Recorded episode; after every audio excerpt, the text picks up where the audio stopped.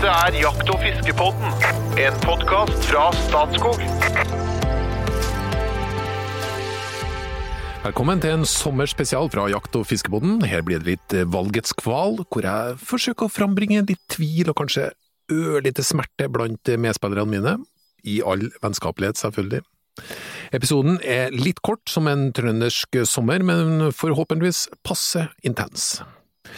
Hvis du hører at spørsmålet ditt blir brukt i podkasten, så må du kaste over tastaturet og sende oss beskjed med adresse og størrelse, for det trengs når du skal få verdens mest eksklusive T-skjorte i posten. Navnet mitt er Trond Gunnar Skinnestad, til daglig er jeg kommunikasjonssjef i Statskog, og jeg stiller spørsmålene og sørger for at eh, medspillerne mine ikke prater seg fullstendig bort. For her er det mye kunnskap som kan bys på. Medspillerne er ingen ringere enn en som først og fremst er jeger, og en annen en som først og fremst er fisker. Og Den ene er langt over snittet utadvendt, og den andre godt innafor kategorien innadvendt. Der den ene er litt sånn omtrentlig med et språk i alle, alle regnbuens farger, er den andre litt mer eh, konsis og kortfatta. Og Den ene bor i et tradisjonelt bolighus på tjukke Østlandet, mens den andre har et evighetsprosjekt med å pusse opp gården sin i Solør. En spiller bluesgitar og svinger fluestanga, mens den andre tar doktorgrad og skjøt en rev. Den første har kanskje røyka en rev, men det skal vi eventuelt ikke ta på lufta. Hjertelig velkommen til begge to, fagsjef i Statskog Jo Inge Breisjøberget og informasjonssjef i Norges Jegerfisk, Espen Farstad. Hallo. Du får litt sånn stram i øynene underveis. Det, Nei, Espen. jeg, ble litt overraska over innfallsvinklene her, sånn, men det er klart det er jo Jeg syns jo at en eh, trøndersk sommer ikke bare er kort, men den er også regntung og litt slitsom. Men ok. Du, det heter seg sånn opposites attracts. hvordan endte vi opp her? Med hverandre, eller? Ja, Nei, ja, nei, det er vel, ligger vel i det du sier. vi skal gå rett på lytterspørsmål, liksom. faktisk. Vi har et fra Fredrik Alexander Roman. Hva synes dere er den ultimate ladningen på skogsfugljakt? Personlig har jeg likt å bruke sekser på første løp og firer på andre løp. Er det noen vits i dette? Vil ikke bruke dobbel fire i tilfelle rype eller mindre skogsfugl, men også ha firer hvis gamlefar lusker rundt i nærheten. Ja, eh, nå er vi inn på noe som jeg tror er en av deres Altså, det, er favorittaktiviteter. veldig, det er et veldig spennende spørsmål, og la meg begynne med Jeg begynner, jeg, Jo Du kan begynne. Ja, jeg begynner. Jeg har noen meninger, jeg òg. Det vil jeg tro. Det var derfor jeg heiv meg frampå, for i det hele tatt å komme igjennom. Nei, altså jeg tror du må Det kommer an på hvor du er, og hvordan du jakter. Det vil jeg si, liksom. Altså, jeg jakter jo eksempel skogsfugl eh, på støkk, eh, og her er ikke noe rype. Og skulle det dykke opp en ryke, rype, så får den tåle en litt tung ladning. Sånn er det, altså. Og den er ikke viktig for meg. Men du, Ja. sånn at jeg henger med ordentlig. Ja. For- Forklar meg litt enkelt, sekser, firer. Ja, okay. Hva, hva er det Ok. egentlig han Ja, spør om? skal jeg gjøre det veldig, veldig enkelt? Ja. Veldig, veldig enkelt, og her er det mange nyanser, men bare for å gjøre det veldig enkelt. Seks rype, femmer orrfugl, firer storfugl. Ok. Bare for å si det sånn, ikke sant? Firer er da grøvere, ikke sant? Altså det går gærne veien dette her på en måte, så jo, jo lavere, jo grøvere. Ja, så firer er grøvere. Så, så er jo spørsmålet liksom, hva skal du lade med? For det, har, det er ikke bare type fugl du jakter på. Det er også nå, når på høsten er dette, hvor, hvor mye trøkker fuglen? Hvis du går på orrfugljakt og orrfuglen trøkker veldig, så kan det jo være greit at du har litt lettere hagl eh, med, med litt flere hagl, da, kanskje litt bedre spredning, eh, enn seinere på høsten hvor, hvor fuglen går opp på langt hold. Så det, det er så mange faktorer som spiller inn her at det er nesten helt umulig å svare på. Det som han hadde foreslått var jo da altså å gå med en sekser, tilfelle det letter litt mindre fugl og sånn liksom, i første, og så ha en firer til å følge opp med, liksom. Jeg syns det spranget kanskje er litt stort, fra seks til fire. Personlig så vil jeg, men, jeg, men når jeg går gjennom skauen og jakter skogsfugl, så bruker jeg primært femmer og firer, det er det jeg bruker da, på orrfugl og tiur, liksom litt sånn. Og så leser jeg skauen, og jeg bytter jo patroner hele tida, jeg, når jeg går. Okay. For nå, hvis jeg kjenner at oi, her kommer jeg inn i et område, her, her leser jeg av biotopen at dette her, her, er noe, her lukter det storfugl, da er det smekker jeg inn to firere. Ja, ja, for da, da er vi der, liksom. Okay. Og går opp en orrfugl. Altså det, du kan jo fint skyte en orrfugl med en firer, det er ikke noe problem, det, liksom. Så, så det er jo nyanser innafor her, sånn. Men du må lese terrenget, tid på året, trøkke fuglen, Og hva slags fugl, da. Hvis du går i rypeterreng, så er det kanskje litt annerledes, men jeg gjør jo ikke det, jeg går i skogsfuglterreng. Så standarden hos meg, det er å gå med en eh, kanskje en femmer og en firer, og så bytter jeg til to firere, eventuelt to femmere, litt avhengig av om jeg da føler at jeg går opp i orrfuglland eller i storfuglland. Hvis du skjøter rype med en firer, hva skjer da? Nei, du risikerer jo at du kan maltraktere rypa litt hvis du er for, okay. på, på for kort hold. Ja. Men du vet at nå skal jeg være litt rå i kanten her, da. nå får jeg mange på nakken, tror jeg, men altså det, den, den rypa Altså, jeg ofrer ei rype for å være sikker på at jeg har godt skudd på en storfugl. Jeg skjønner. Jeg skjønner. Ja. Men, ja, under forutsetning av at du, du går i storfuglterreng Ja. også, Ja. ikke i rent rypeterreng. Da. Ja ja, selvfølgelig. selvfølgelig. Altså, du må liksom tilpasse deg situasjonen. Ja, interessant. Og eh, det blir ikke akkurat eh, en Vi snakker vel opp på en tier på skalaen din her nå på skogsfugljakt. eh, Ja, høy høg tier. ja, jeg tipper du har noen, sånne, du har noen tanker rundt det her. Ja, iallfall. Um, og det er jo et betimelig spørsmål. Um, jeg, tror ikke, jeg tror ikke vi skal overkomplisere det heller. Um, det er jo som Espen sier, de hagla her er jo, det er jo størrelsen på hagla som definerer om det er haglstørrelsen. Er 4, 3, 3 er ved 3,5 millimeter, 4, 3,25, og så går det nedover. Så blir det finere og finere jo lenger opp på skalaen du kommer. Eh, på normale hull, eh, jeg tror at det er jo noe som henger igjen litt fra gammelt av. Eh, så på normale haglehull, som du skutter en fjærhane med femmer, sekser eller firer på 25 meter, det er uh, gatnuk. Altså, så vi skal ikke overkomplisere det her. Altså, si, si innenfor 25 meters hull, så vil det ikke spille noen rolle her du skutter, her den vi treffer med. Og det, er, det blir jo litt marginalt jo lenger ut du kommer, og det lærer vi nå i dag, at du ikke skal drive og tøye heller. Eh, Da er det mange som fortsatt har trua på at du skal ha litt grøvere hagl, og ha litt mer inntrengning da på lange hull. Og helt sikkert er det noen som har lykkes med det, skutt i den fjærane på 50 meter eller her det er, og så fått den i baken. Du skal jo ikke inn med en par-tre hagl, så kan det være nok til å felle noe mm. ikke sant. Men på, innenfor de normale hullene vi prater om, da, på 25, så, så vil det ikke spille noen særlig stor rolle. Og jeg husker når jeg tok jegerprøva, så ble det anbefalt å bruke firer. Den kunne brukes på alt. Og det er firer bly, da. Som, eh, fordi vi jakter fortsatt med bly. Når vi går over til andre materialer, så kan det være at du skal velge andre hagl.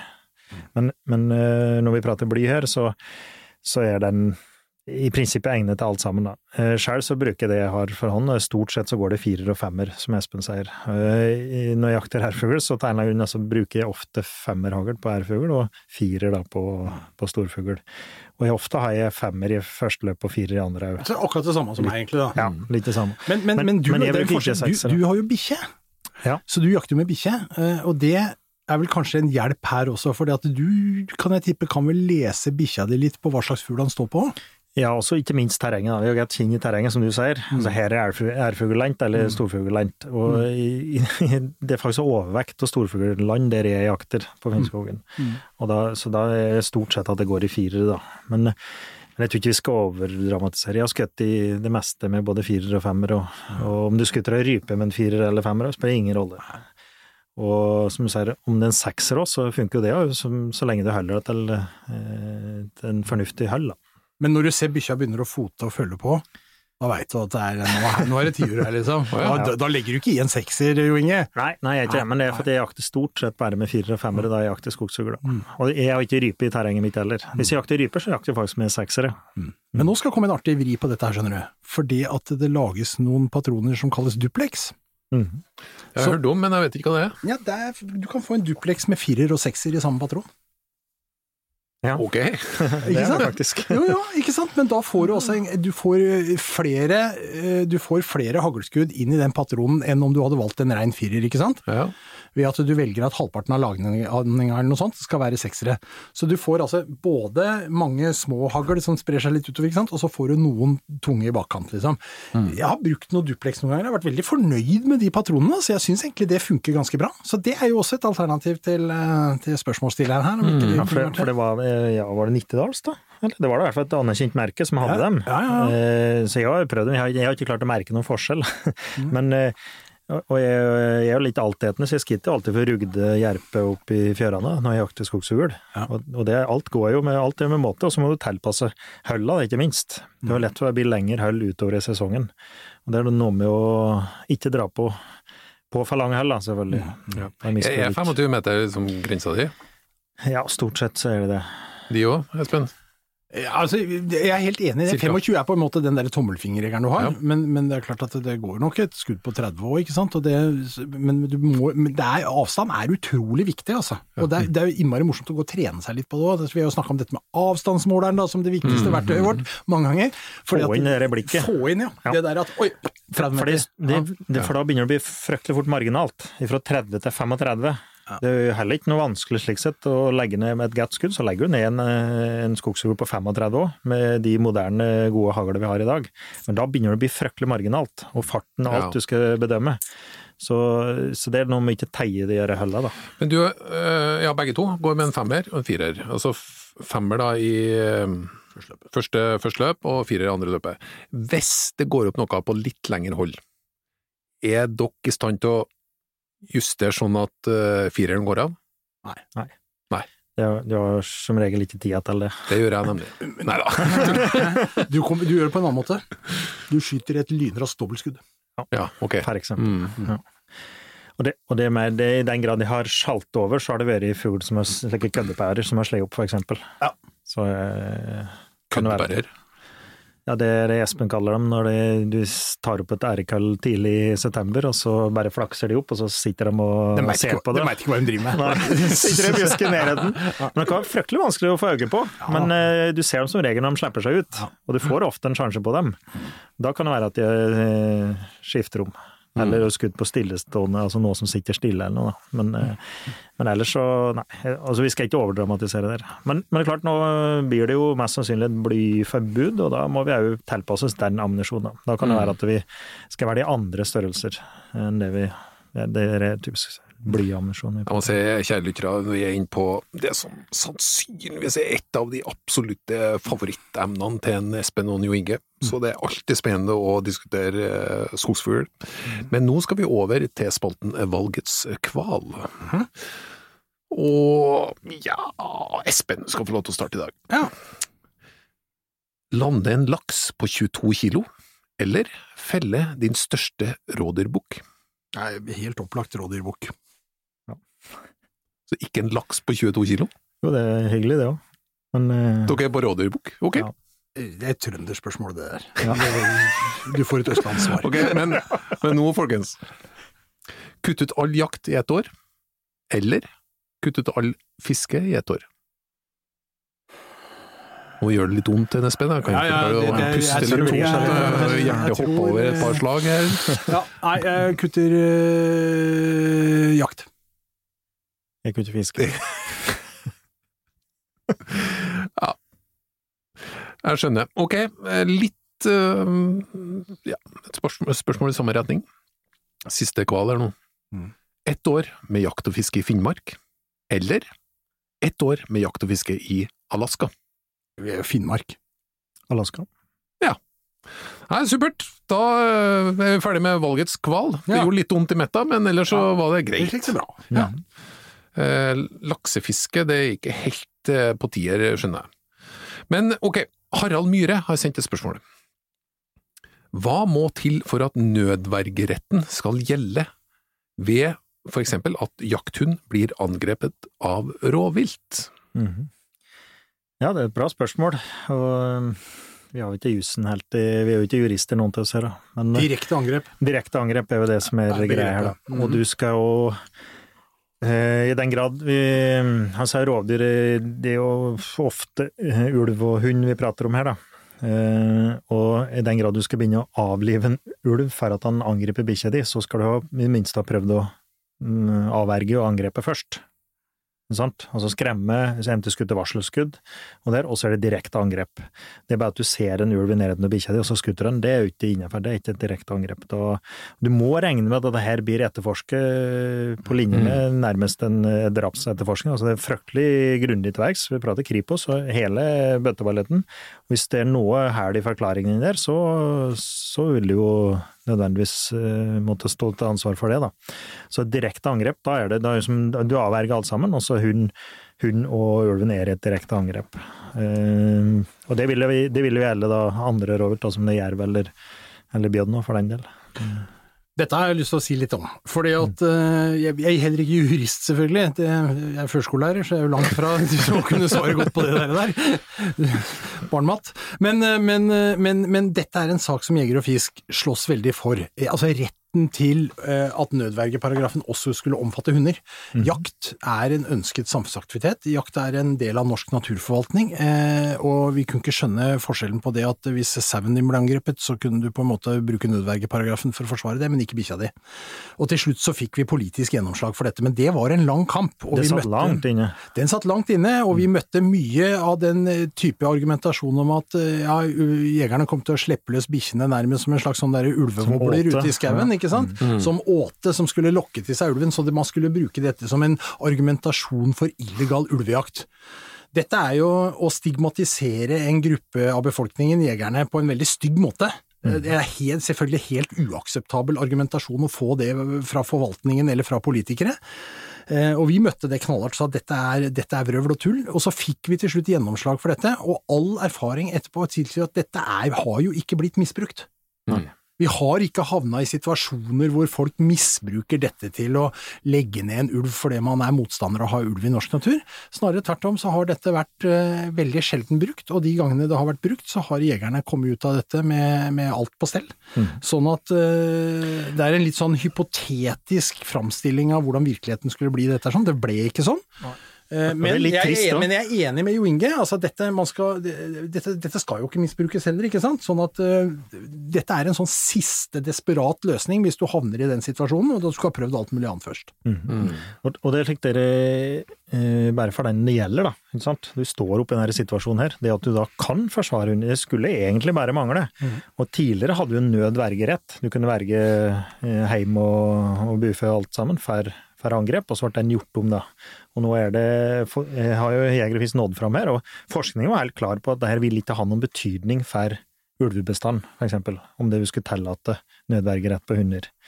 Og for, for jegere betyr det fryktelig mye at du har den der sikkerhetsventilen. I den grad det skjer, da. Sånn.